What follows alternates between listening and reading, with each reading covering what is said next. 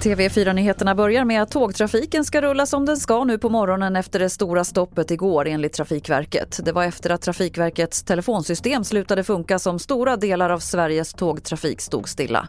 Många tåg ställdes in och det var kraftiga förseningar men nu ska alltså problemet vara helt åtgärdat. En kvinna i 50-årsåldern har åtalats för brott mot tystnadsplikten efter att ha suttit på krogen och pratat om en patient. Kvinnan, som är anställd på Sundsvalls sjukhus, ska enligt åtalet ha berättat var patienten vårdades och hur hen mådde.